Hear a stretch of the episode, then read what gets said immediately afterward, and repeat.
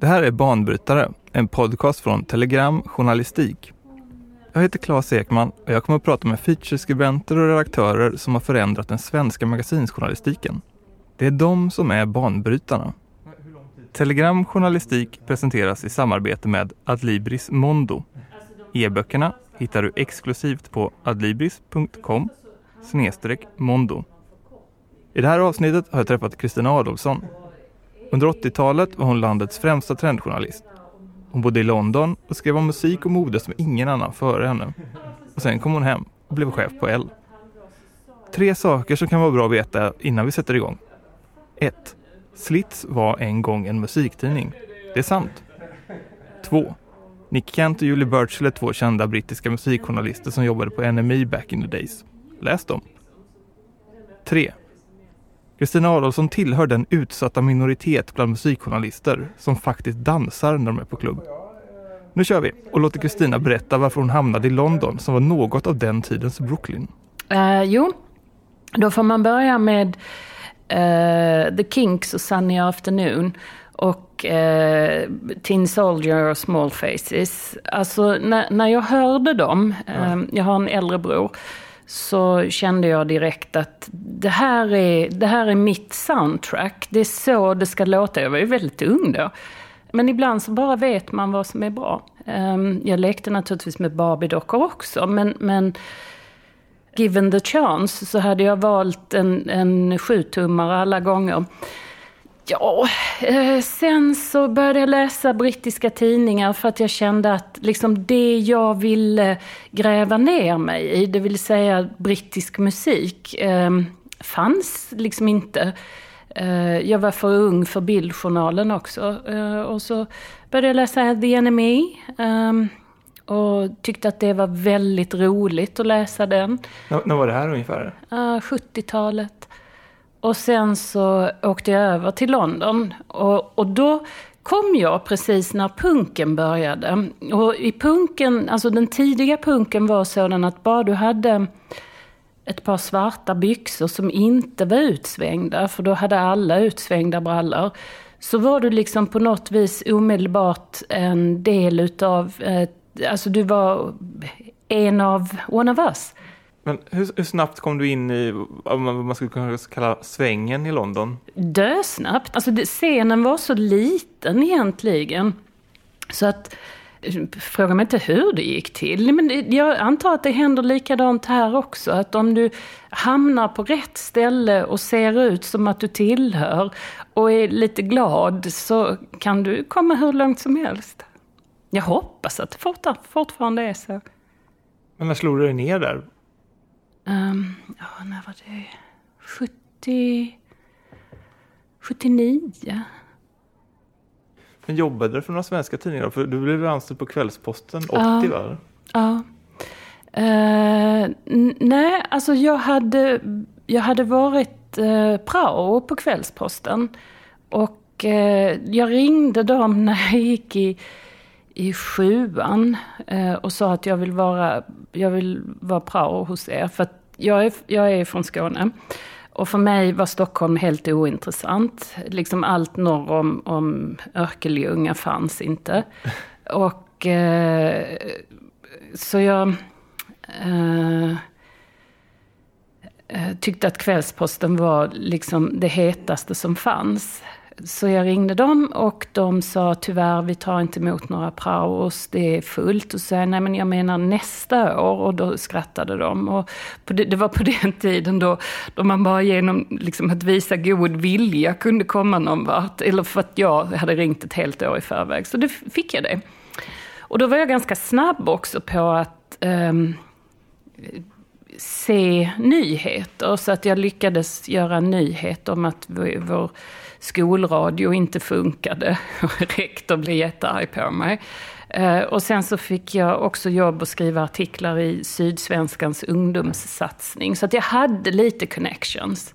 Och Olle Berggren som då var den stora musikskribenten på Kvällsposten, han, han insåg att han inte han, han hade absolut ingen koll inom den här nya genren punk.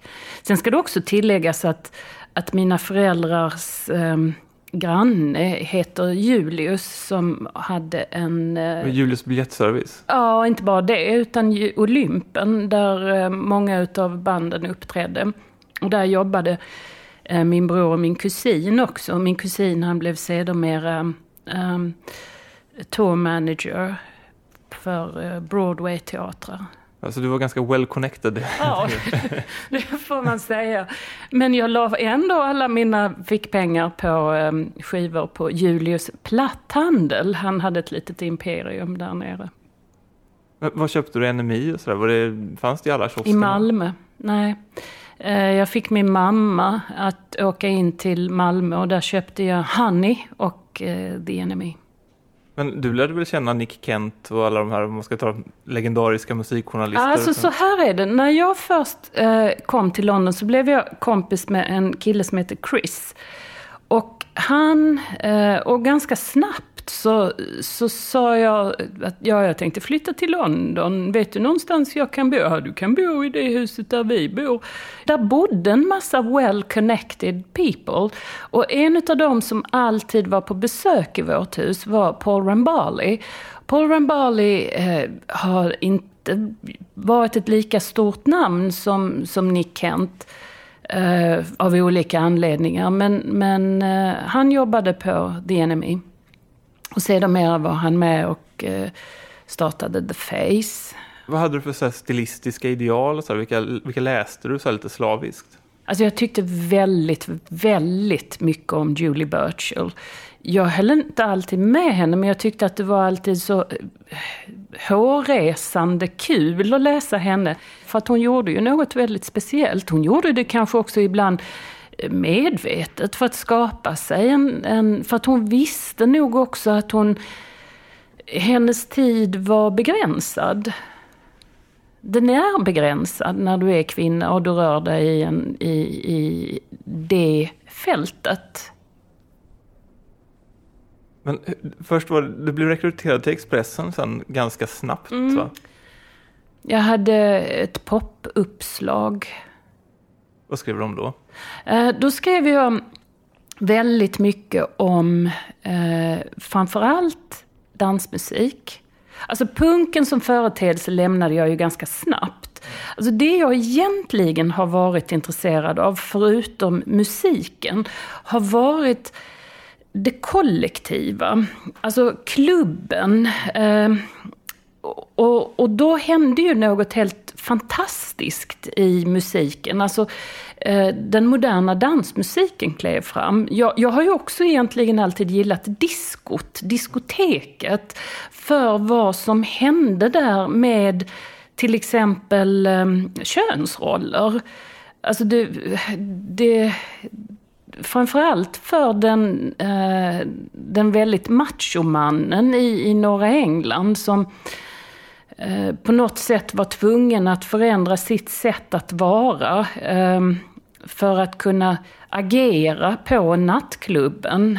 Ehm, lång förklaring där, men eh, det har gjorts eh, avhandlingar om detta. Hur var den där scenen när den började växa fram? Alltså, jag missade väl egentligen när den kanske var som allra mest spännande. Ehm, och den blev ju väldigt snabbt kidnappad utav drogerna. Mm. Uh, och också med droger kommer ju ett, ett klientel som kan förvisso vara spännande men som tar med sig något som man som uh, drar ner det lite snabbt. Och, och det, det, gjorde det ju. Uh, det slutade ju i liksom förluster monetära förluster för alla de som var involverade, utom möjligtvis de som sålde droger. Ja. Man kommer ju verkligen ihåg dig som hiphop och dansmusikskribent sen, kanske framförallt när du började skriva i, Slits och nöjesguiden också. Vad, när, när upptäckte du dansmusiken i London? Ja, men den fanns ju där eh, redan, alltså när jag började på Expressen, att jag skulle nog säga att jag var mycket, mycket tidigare med dansmusiken i Expressen. Eh, och där började jag 86. Eh, men då hade jag också hunnit skriva om den tidigaste hiphopen i Kvällsposten runt ja, åtminstone 84. Men hur, vad, vad fick du intrycken ifrån? Var det också typ via kollegor på The Face och sånt där som... Nej, nej, nej. Jag var ju ute.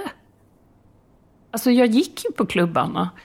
Det har ju, alltså, jag tillhör ju inte de som, som är en voyeur. Jag dansade. Eh, jag var där, i scenen. Måste nästan ha gjort dig unik som musikjournalist. Ja, jag tror faktiskt det. När var det som roligast att gå på klubb? Alltså, vissa kunde tycka att eh, de här New Romantic-klubbarna var väldigt roliga, men jag tyckte inte de var så jätteroliga, för att de handlade väldigt mycket om att posera.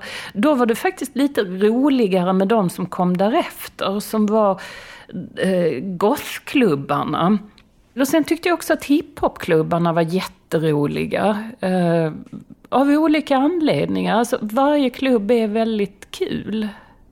Bara de inte poserar för mycket. Det kan ju vara kul för sig, i, i, sig, men, men då, blir det, då står alla i baren. Det måste finnas liksom ett fungerande dansgolv också. Sen vet jag också att jag hade en god vän som eh, eh, var tidig kompis med hela rave-scenen och då hade han dragit iväg mig ut till en klubb som var långt åt helskotta. Jag var jättetveksam till det här, men vad ska vi där och göra? Nej, gud, nej, uh, allting är jobbigt. Och så kommer vi till den här klubben och, och det är liksom, jag lovar, det är säkert fem, sex, sju hundra människor där. Och det, det här liksom pulserande ljusen, den pulserande musiken. Och jag direkt fattar, wow! Wow! Jag är på ett rave! Och det här är helt makalöst. Och det var verkligen, alltså det var, det var precis innan det var precis med smileys och... och E-explosionen. Ja, det var verkligen poff! Och jag var där. Och det vet jag att jag... Tog du E? Nej, det har jag inte vågat. Det var en väninna som berättade att hon hade tagit det och sen så blev hon så, hon blev så glad. Eh, och sen blev hon så skrämd. Så att hon satt och höll eh, i toalettstolen och då tänkte jag att nej, det där vill inte jag göra. När Smash Hits och eh, The Face kom och sådär, märkte, märkte man liksom om, om vi håller oss till journalistiken, mm. att det blev någon sorts nytändning då? Ja, i allra högsta grad. Den uppstod ju inte ur något vakuum. Smash Hits fanns ju sedan tidigare, men den hade ju inte haft så himla bra skribenter och de, de gjorde allting så vanvettigt kul. Jag kommer ihåg en eh, eh, deras bildtexter var ju helt makalösa och de hade eh, Sylvia Patterson, där har vi ett namn, som eh, gjorde otroligt roliga intervjuer. Hon, hon gjorde en fantastisk intervju med eh, New Order. Eh, där eh, hon avslöjar Bernard Summers som, en, som otrogen. Vilket var helt otroligt, för det gör man inte. Alltså ofta när någon åker med ett, ett popband ut på turné så, så finns det någon sorts underförståddhet i att ja, du kanske ligger här och håller på och du kanske, eller du kanske, du kanske avslöjar dig som att du gillar blommor. Men, men på något vis så finns det ett kontrakt att man upprätthåller en, en bild. Eh, även om det var mycket, mycket eh, lösare i kanterna på 80-talet. För att det var, alltså de som åkte med från skivbolagen på turné eh, brydde sig inte så jättemycket om vad man skrev sen efteråt. Utan de var bara där för att se till att de fick sina flygbiljetter och stod på flygplatsen i tid. Men det fanns ändå någon form av kontroll. Men hon släppte det. Och jag har faktiskt frågat Bernard Summers om det flera, flera år senare, vad som hände efter den, den eh, artikeln. Och det var ju en stor katastrof. Alltså hans liv eh, tog en, en vändning för det värre. Eh, äktenskapet och så vidare. Men eh, jo, då, hon skrev mycket och eh, alla vet ju naturligtvis att eh, med Pet Shop Boys, att, vad heter han nu? Neil Tennant. Just det, började där som skribent. Uh, och sen skrev, de hade ett foto på Daryl Hall och bildtexten var Daryl Hall har ett örhänge som väger exakt eh, 3,7 gram för att balansera upp hans huvud. och, och, så den här ständiga eh, citation, nej vad heter det? Citationstecken? Nej, nej, nej, det andra. Parentes? Tack! Parentes. Eh, så står det um, “That's not true and you know it, Ed”. Alltså det här sättet att prata med läsarna och det här sättet att um, utesluta, att inte vara till för alla, utan att bara vara till för de invigda och att göra allting till ett internt skämt. Sånt tycker jag är extremt kul. Parenteserna snodde väl Slits rakt av? Rakt av. Ja, för det fanns väl en parentes i varje recension i, i princip som man minns det? Ja, ja. Och ja, jag känner mig som skyldig. Um, men, men, vad fick du för beställningar från Expressen? Fick du ta ut svängarna? Jag fick göra precis vad jag ville där. Jag var ju där för att jag var expert. För din stil påverkades väl ganska mycket av, av, av den här magasinsjournalistiken i London som liksom började växa fram där? Mm när jag var på gott humör, då, då var det väldigt, väldigt roliga eh, texter där jag tog ut svängarna och där jag helt struntade i att förklara något, även om Expressen ville att jag gärna skulle förklara saker. För att jag tycker att folk är oftast mycket smartare än man tror. De har rätt bra koll. Och sen hade jag ju liksom uppfostrat läsarna under en ganska lång tid. Allt är ju inte till för alla. Fick du något frilanskontrakt sen med Nöjesguiden mm. och Slits eller hur, mm. hur funkade det? Mm.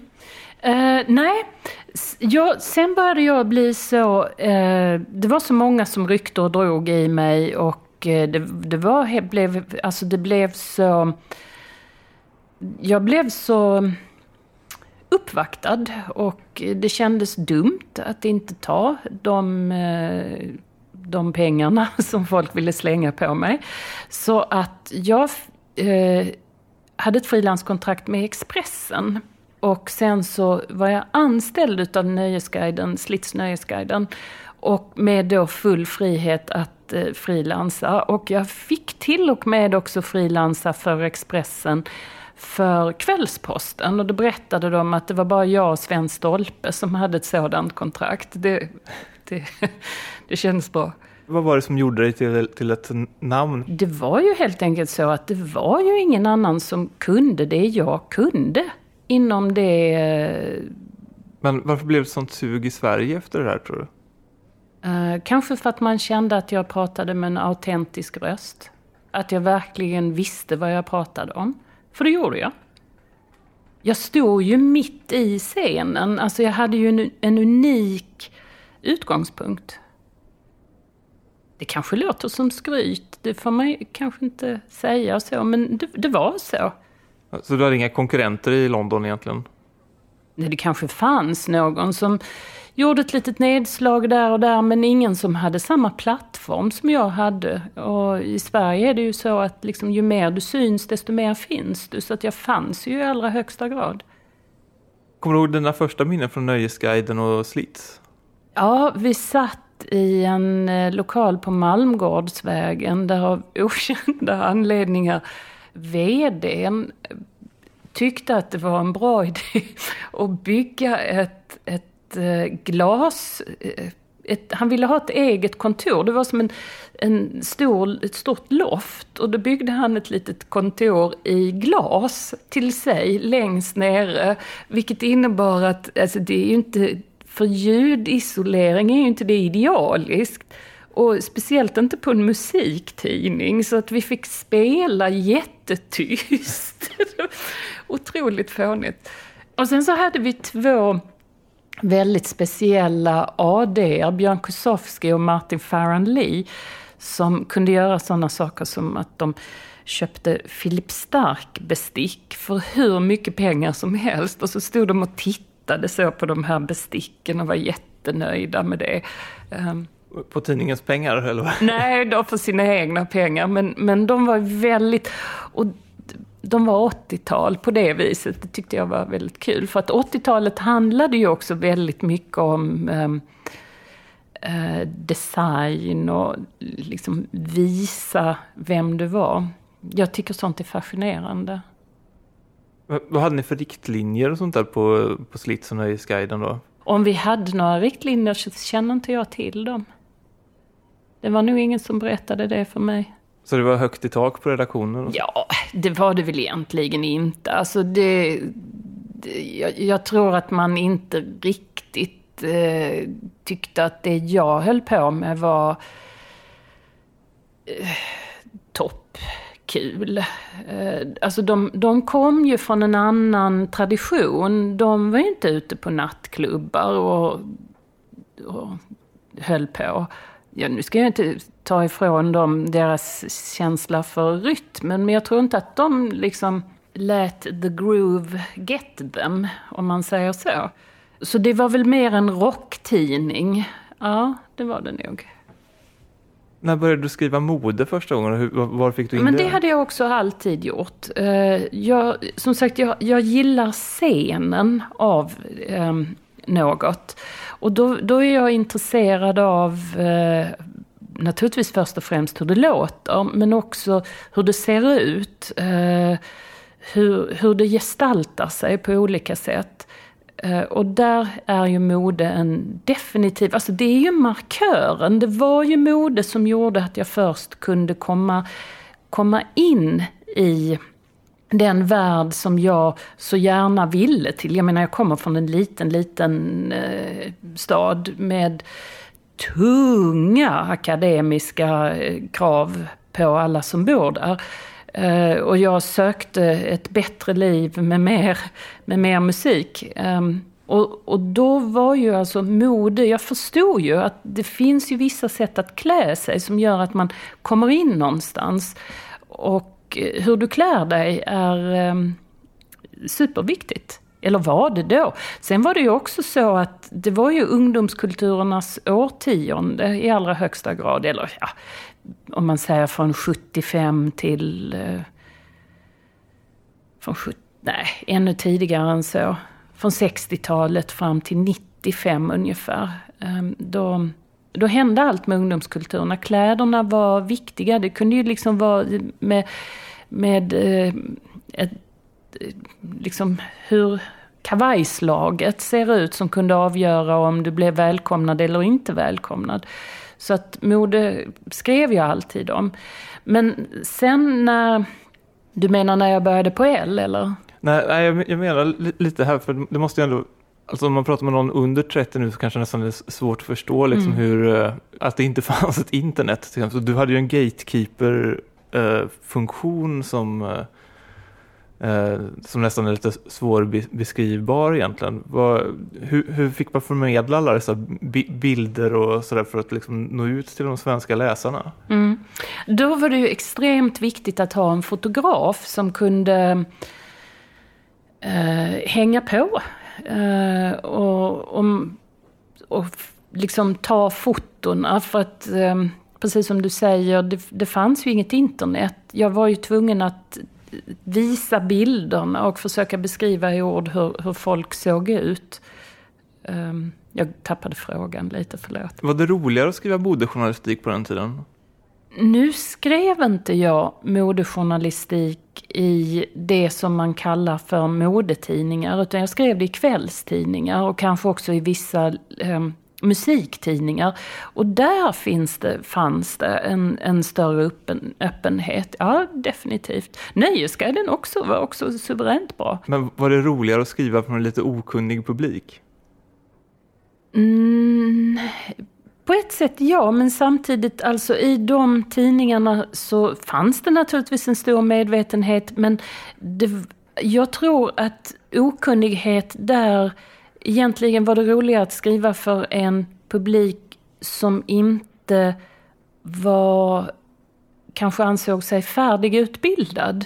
Ja, det är alltid roligare. Tröttnade du på London sen eller varför, varför flyttade du hem? Jag, jag kom i ett sånt läge att jag blev faktiskt erbjuden eh, brittiskt medborgarskap. Eh, när man har bott ett visst antal år så kan man få ett brittiskt medborgarskap och jag blev erbjuden det. Och då kände jag, nej, nej, nej nu är det dags att flytta hem. Och eh, det, det hände så mycket också i Sverige då. Det var så många som ryckte och drog i mig och det är lättare att vara på plats och, och liksom ta del av erbjudandena, erbjudandena och pengarna. Så det gjorde jag. Jag flyttade hem. Eh, men jag hade kvar mitt hus fram till 2001. Var bodde du någonstans? I eh, Kennington. Hur var det att komma hem sen då? Alltså jag hade ju tidernas tur där som bara gled in. I, ja, det var en god vän som eh, jobbade med eh, tv-programmet Nära och fjärran. Och han kände att eh, han ville liksom få mer närvaro, få mer berättelse i tv-programmet. Så de bjöd in mig att hålla föredrag om hur man får mer närvaro och hur man liksom känner lite mer party i, i det. Hur, hur, gör man det? Ja, det är ju, det är ju svårt. Och, och jag tänkte att jag går dit och eh, jag tar med mig Bruce Chatwins eh, hur han börjar att beskriva när han kommer till eh, Australien. Och det är män som går in och ut ur jeepar med vita tubsocker. Och redan där så förstår du var du är. Och så höll jag mitt föredrag och så eh, när jag var klar så säger då reportrarna och alla, men herregud kan inte du börja jobba här? Och jag sa nej, verkligen stenhårt nej. För jag vet hur vedervärdigt det är att göra reseskildringar. Det är hårt arbete, eh, det är dåligt betalt, eh, du kanske får upplevelser för livet, men det, det är tufft. Du går upp sex på morgonen och du lägger dig halv två. Så jag sa nej jättelänge och sen så lyckades de ge mig, eh, så sa de, vad vill du göra? Vad skulle du vilja göra? Och då bland annat så sa jag att jag skulle vilja åka till Savannah och jag skulle vilja göra ditten och datten och, och så vidare. Och så sa de, fine, då får du göra det. Och då kunde jag inte sura längre.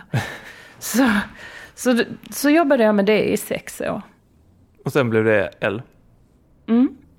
Hur var det att komma in som chefredaktör? Med L så fanns det då vissa saker som jag såg som eh, man borde jobba på.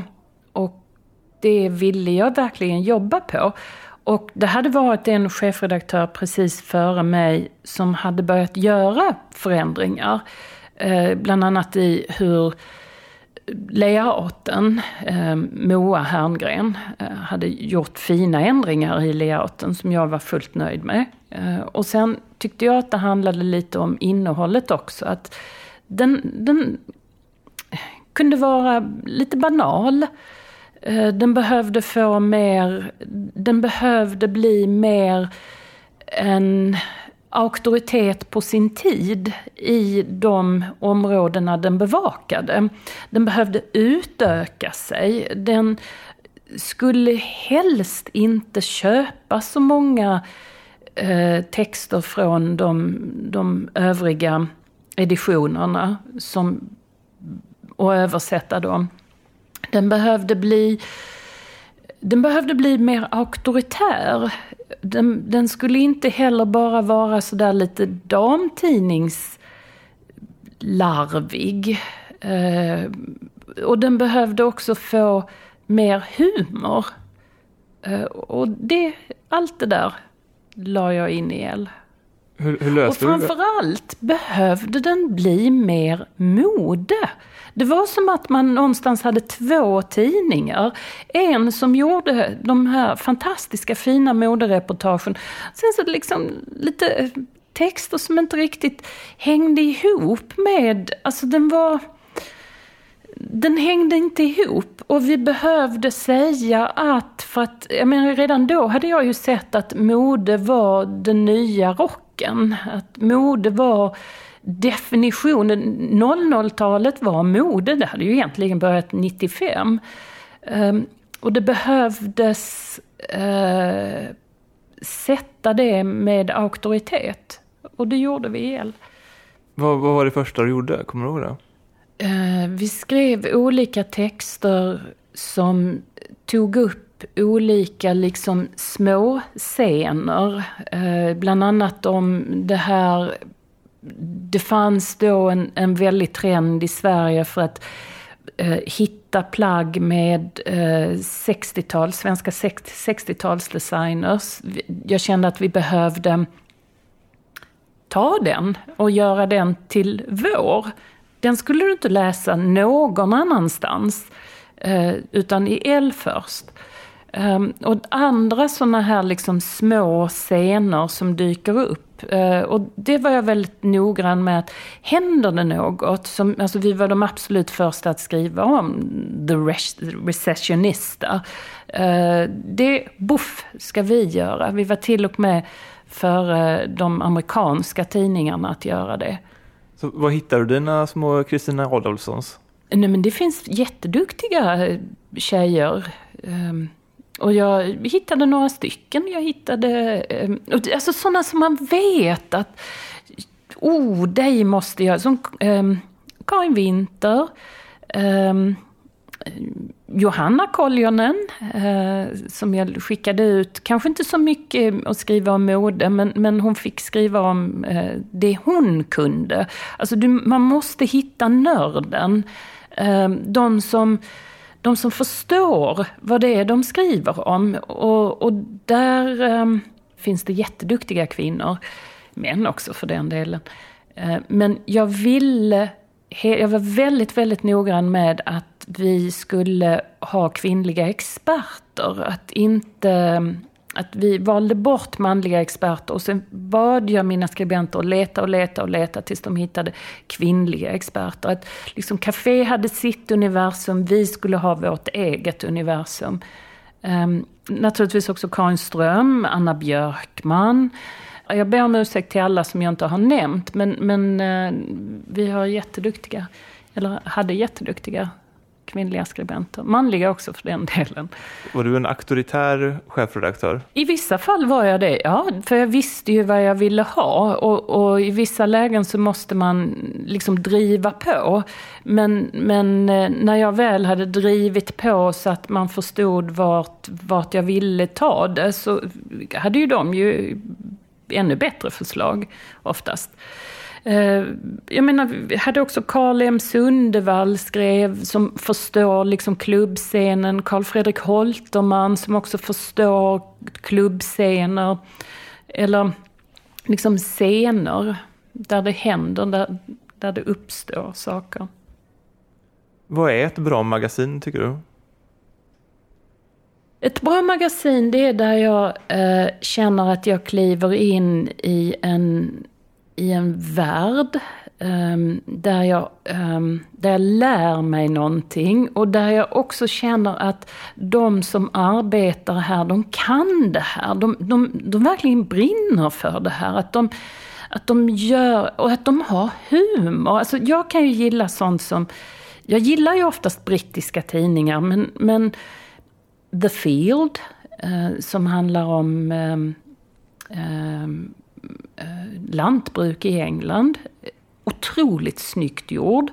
Ehm, de, de är superkonservativa. De, de eh, kallar, eh, de kan skriva sånt som ecological razzmatazz. Det tycker de är trams. och Spy, naturligtvis, tyckte jag var jätte, jätterolig. Den var, ju så, den var ju så genomarbetad och så kul så att jag till och med läste svaren på korsorden. Så, att de var så, Graydon Carters första... Ja, så genialiskt bra. Um, Record Mirror, uh, för att Record Mirror, när, när Smash Hits började fallera så plockade Record Mirror upp batongen och twirlade vidare med den. Så den var också jättebra. Jag läser fortfarande eh, New Musical Express. För att det, det, kan vara så, alltså det kan vara sånt vansinnigt skrivande som, som det intresserar mig. Um, Däremot tycker jag inte att alla de här historiska magasinen som ges ut i Sverige, de, de ger mig inte den här nördiga känslan. De är liksom gjorda för vinnings skull. Det ska vara med, med mer passion. Hur, hur skulle du vilja att en historisk tidning skulle se ut? Jag tror att det finns eh, möjlighet att göra en historisk tidning som är som, eh, alltså med lite humor. Att man inte... Min dotter tycker att historiska tidskrifter är jätteroliga. Hon har gått eh, tvärt från Julia till eh, populär historia. Och det är naturligtvis jag jätteglad för. för, för jag höll på att krevera varenda gång hon satt där och tittade på alla dessa Disney-människor. Sådana här snälla bildtexter. Selena Gomez tycker att det är jättefint med rosa. Det ser man här. Och så äter hon en rosa glass eller någonting. Så nu sitter hon och läser sina historiska tidningar. Ja, bättre med ett redigt Hitler-omslag. ja, precis. Det är sant. Eh, men eh, Fast häromdagen faktiskt, hon, i torsdag skulle hon köpa en historisk tidning och då sa hon nej, inte Hitler igen. Jag pratade faktiskt med någon eh, redaktör för någon av de där historiska tidningarna som skulle få lista typ så omslagspersoner, så vilka som var hetast. Liksom Hitler, Hitler, Hitler, Karl XII. Vilka tidningar läser du idag så här, som, som svenska magasin? Gosh. Um, nu blir det ett stort mollackord här. Uh, nej, det är inte så farligt. Jag läser faktiskt Fokus. Uh, och sen så läser jag nästan alla facktidskrifter. Alltså fackförbundens, eh, fackföre, fackföreningarnas mm. tidskrifter. Ja, du, du har ju fått ett nytt nördintresse här, ja, här det, förut. Jag är chefredaktör för Arbetsförmedlingens interntidning och det är absolut utan tvekan Sveriges mest spännande arbetsplats. Eh, har du kunnat föra med dig någonting från så här, alltså den populärkulturella magasinsvärlden till att nu göra på jobbet? Ja, alltså det är ju det är en myndighetstidning med allt vad det innebär. Så att man kan inte göra hur mycket bus och skoj som helst. Och det handlar ju till syvende och sist om att på något vis kunna vara ett redskap för de som arbetar med att få andra människor ut i arbete, vilket måste vara det mest hedervärda uppdraget man kan ha eh, Eh, liksom arbete är allt eh, för människan. Men vi, vi försöker, försöker då och då, alltså vi försöker göra det med formen, layouten. Eh, men vi hade en gång en rubrik som hette Profilplagg vi minns. Ehm, och Arbetsförmedlingen har haft en hel del spännande profilplagg. Ehm, så, så där tog vi ut svängarna rejält. Det blev uppskattat har jag förstått. Vad var det för profilplagg? Ja, det var en, en, ehm, eh, en kavaj som man eh, lanserade i början på 90-talet och man tyckte att eh, Arbetsförmedlingen, de, de var lite för slappa eh, så att de behövde ha på sig en, en arbetsförmedlarkavaj med då den lilla arbetsförmedlarsnigeln inbroderad. Men den var ju brun, inbroderad i brunt mot en brun bakgrund så att den syns. Hur många knappar hade den? Uh, ja du, säg det. Två eller tre. Uh, var det modellade den. Uh, hon är en stilig kvinna, men ja. den, den gjorde nog bara henne snygg. Jag tror inte det var många andra som såg bra ut i den. Vem hade gjort designen?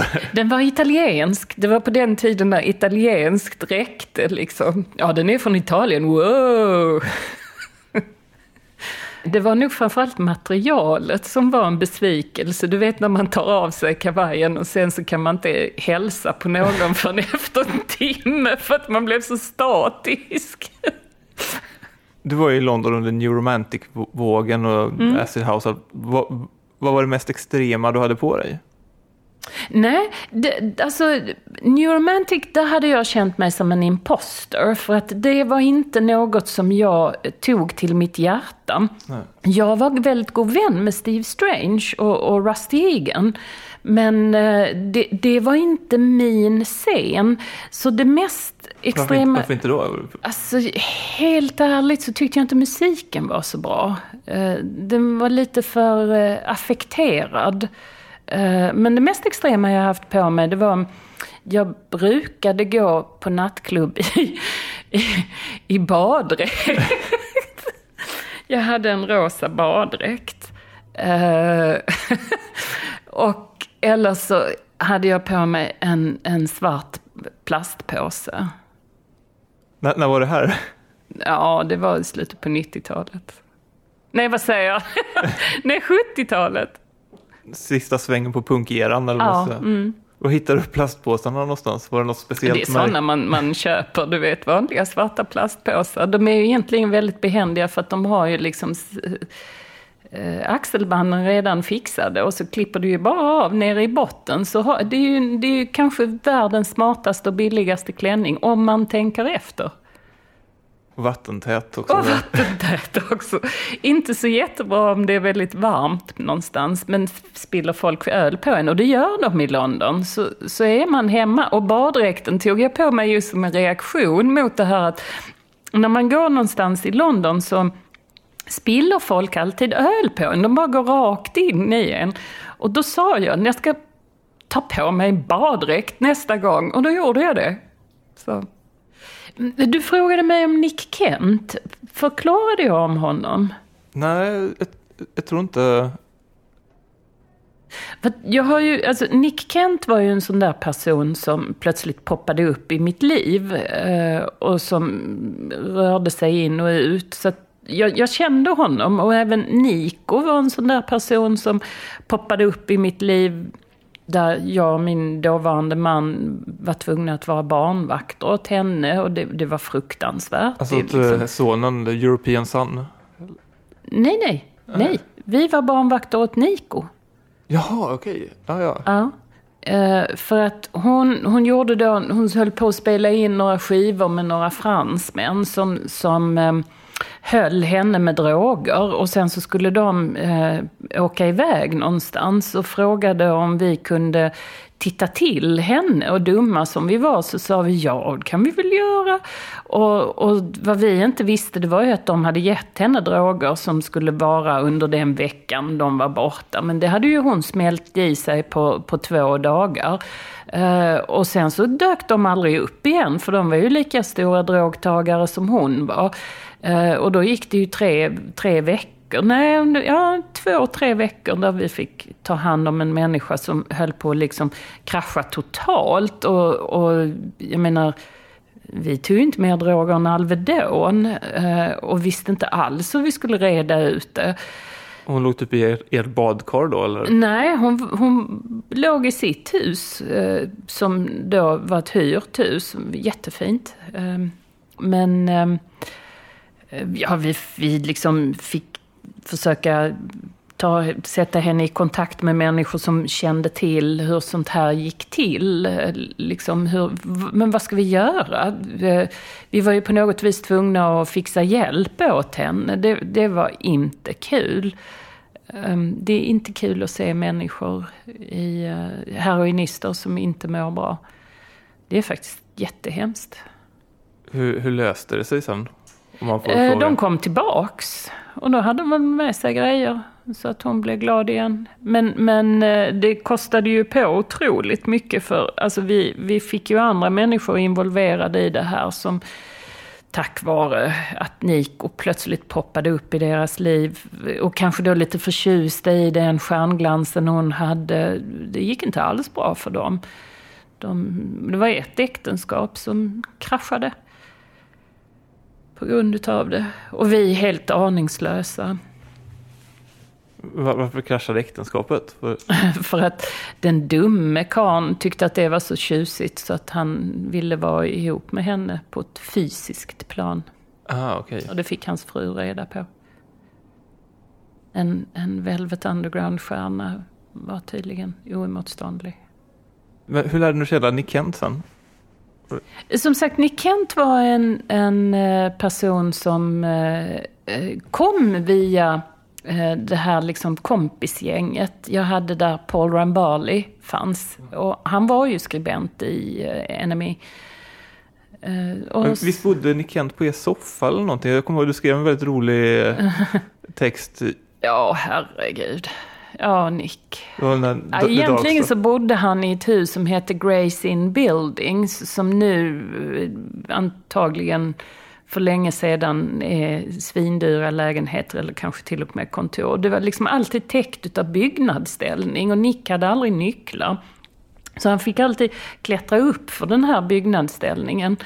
Eh, och Nick jag, jag, kan väl egentligen se nu att Nick hade vissa saker som gjorde att han kanske inte var eh, liksom helt kapabel att ta hand om en... Eh, alltså att vara i... Att vara kapabel att ta hand om sitt liv och allt det som tillhör ett fungerande liv som att betala hyra och, och skriva maskin, eh, vilket han inte kunde. Han, skrev, han handskrev. Han eh, kanske inte heller var en person man skulle ge deadlines. Alltså Nick hade ju, och, och då med, med en massa lustiga handrörelser. Uh, nu ska inte jag diagnostisera honom, men, men jag tror han har det bättre nu. Uh, där någon kan, alltså han, han behövde någon som tog hand om honom, helt enkelt. Och just då var det en period då han inte hade någon som tog hand om honom. Och jag kan vara lite mammig av mig. Så du har varit lite mamma åt Nico och Nick Kent?